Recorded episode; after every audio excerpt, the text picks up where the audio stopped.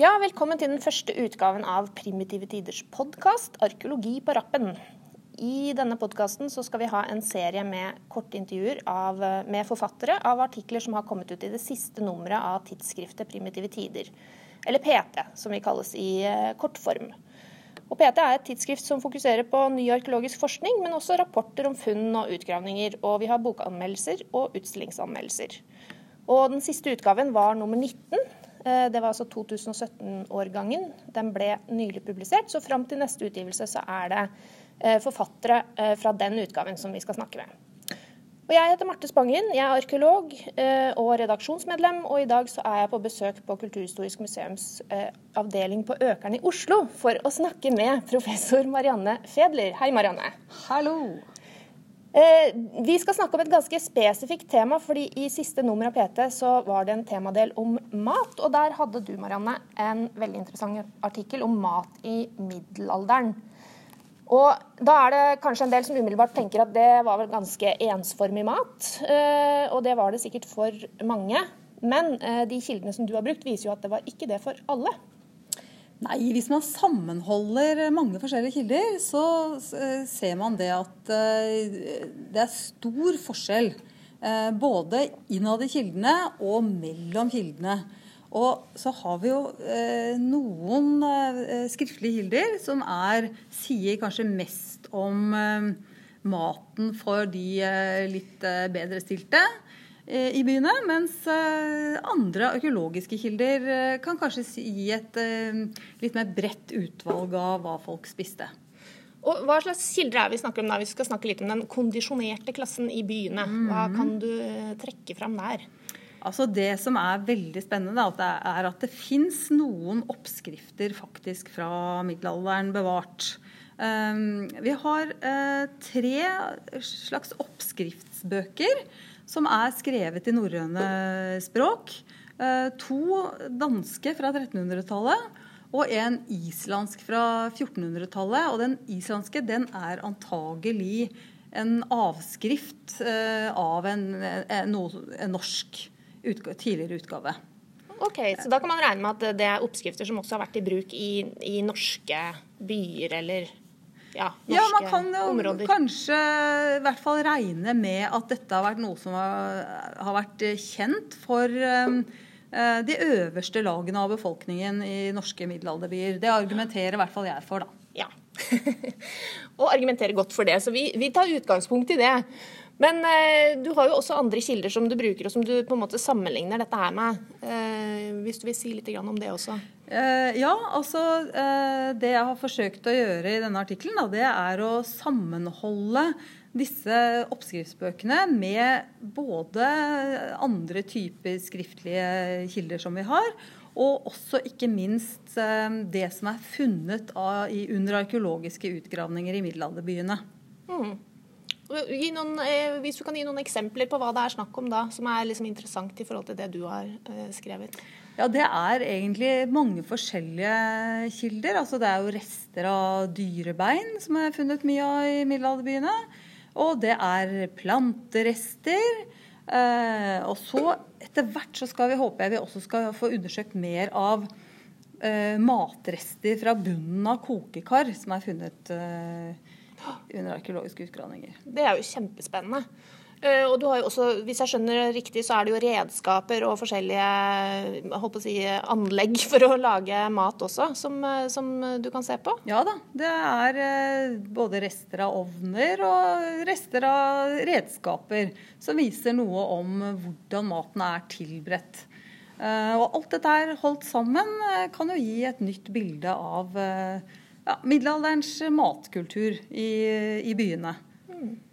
Men når vi ser på de her oppskriftene, da, for det er jo det som er litt spesielt i din artikkel, at du har tatt for deg de oppskriftene. Mm. Eh, hva slags ingredienser er det det er snakk om der, eh, som, er, som viser at det har kanskje vært for den øvre klassen?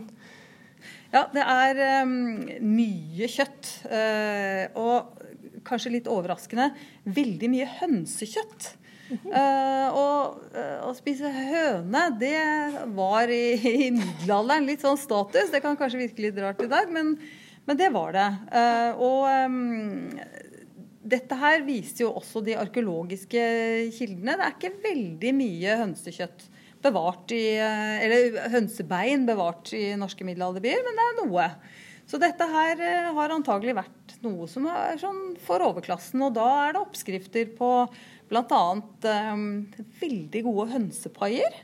Som eh, og det vet du faktisk, for du har vel prøvd å lage noe av dette her også, har du ikke det? Jo da, jo da. Jeg prøver meg stadig på, på å lage forskjellige oppskrifter. Det som er litt um, Eh, utfordrende med disse oppskriftene, er at de eh, viser jo aldri hvor mye man skal ha de forskjellige ingrediensene. Okay. De viser bare hvilke ingredienser man skal ha. Så da er det en slags ja, Man må eksperimentere litt da i forhold til hvor mye av det ene og det andre man skal ha. Ja, ok. Så når det står eh, hønsekjøtt, så vet du ikke helt om du skal ha en farm eller om du skal ha eh, en legg, liksom?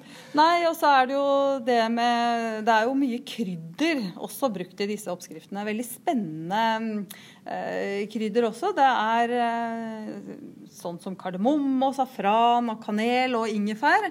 Eh, krydder som vi vanligvis da bruker i eh, i litt mer sånn søt bakst. Og, litt sånn julebakst-aktig. Julebakst. Ja. Men her er det da altså brukt sammen med kjøttretter, f.eks. Uh, og da er det jo um, utfordrende å vite hvor mye kanel og kardemomme skal du ha i forhold til uh, uh, kyllingen, f.eks.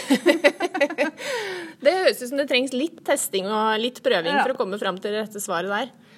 Men eh, det er jo veldig spennende med disse her krydderne og sånn, men hvordan er det med å finne igjen det i en sånn eh, arkeologisk kontekst i byene? Det er vel kanskje ikke så enkelt igjen, da? Nei, altså det er jo ikke gjort noe funn egentlig av akkurat disse krydderne i norske byer. Men det syns jeg jo egentlig ikke er så rart. For dette her var jo ting som eh, ble omsatt i små kvanta. Det var nok antagelig også for de som var litt rikere. Uh, og da er det jo ikke så rart at man ikke finner det igjen i byene. Eh, også fordi at uh, for å bruke disse krydderne, så, så knuser man det jo. Mm, så det blir jo ja. veldig lite igjen. Det, skal, ja. det, er litt nåla i høystakken. Ja, virkelig, altså. Ja. ja. Men eh, det er jo også morsomt fordi det knytter jo dette her til en mer kontinental mattradisjon, da. Eh, og som også har røtter til andre steder enn Europa, hvis jeg forsto det riktig? Ja, absolutt. Altså eh, sånn lingvistisk sett så tenker man seg jo at disse oppskriftsbøkene har et mellomeuropeisk opphav. Men det er jo noen av disse oppskriftene som også kan tenkes å stamme fra Midtøsten. Uh, og denne uh, kombinasjonen av krydder også er jo en, en ting som vi faktisk uh, kan finne igjen i, i noen oppskrifter langt, langt sør. Mm, ja. Og det er jo kjempespennende, for det fyller ut det bildet man ofte kanskje har av middelaldermaten, som graut og lefse og litt sånn traust og du ser baksteheller og den type ting. Der kan man selvfølgelig ha lagd andre ting enn brød og lefse også, men, eh, men, dette her er jo virkelig noe ganske annet igjen, da. I, i en, ja, en, mattradisjon som viser at det har vært veldig mye større variasjon enn det man kanskje først eh, forestiller seg. Ja, absolutt. Altså. Og det er jo det som er litt spennende å gå inn i ikke sant? og utforske mer. da. Hvor stor har denne variasjonen egentlig vært? Å gå litt mer inn og, og, holde disse ulike typene kildene opp mot hverandre. Og det har vi egentlig ikke gjort ennå. Så det um, kunne jeg tenkt meg å gjøre mer. Ja, og det har dere begynt med, så skjønte jeg da. I forbindelse med det å se på matrester i kar osv. Ja, altså vi er jo en, en, gjeng da som har veldig lyst til å holde på mer med dette her. Og, og derfor så har vi også nå forsøkt å, å, få litt ekstern finansiering for et større forskningsprosjekt. Så får vi se hvordan det går. Men i mellomtiden så har vi altså begynt med å ta ut prøver fra eh, klebekar som er funnet eh, i Oslo. Eh, fra tidlig 1100-tall og fram til byen ble flytta på begynnelsen av 1600-tallet. Og så vil vi gjerne ta ut eh, noen av de matskorpene, tjukke matrestene som ligger i bunnen av disse karene. Eh, og undersøke er det egentlig bare graut de har kokt i dette her, eller det, kan vi finne spor av andre ting, og har det eventuelt forandret seg over tid. Og der eh, er det noen eh, kjempeflinke biokjemikere i Frankrike, selvfølgelig fra Frankrike, ja, som, skal, hjemland, ja. ja, som skal hjelpe til med dette her. Da. Og nå har jeg sendt av gårde de prøvene. Er veldig spente på hva de klarer å finne ut. Og de er også i ferd med å utvikle nye metoder eh, som vi håper kan skille mellom eh, de ulike ingrediensene.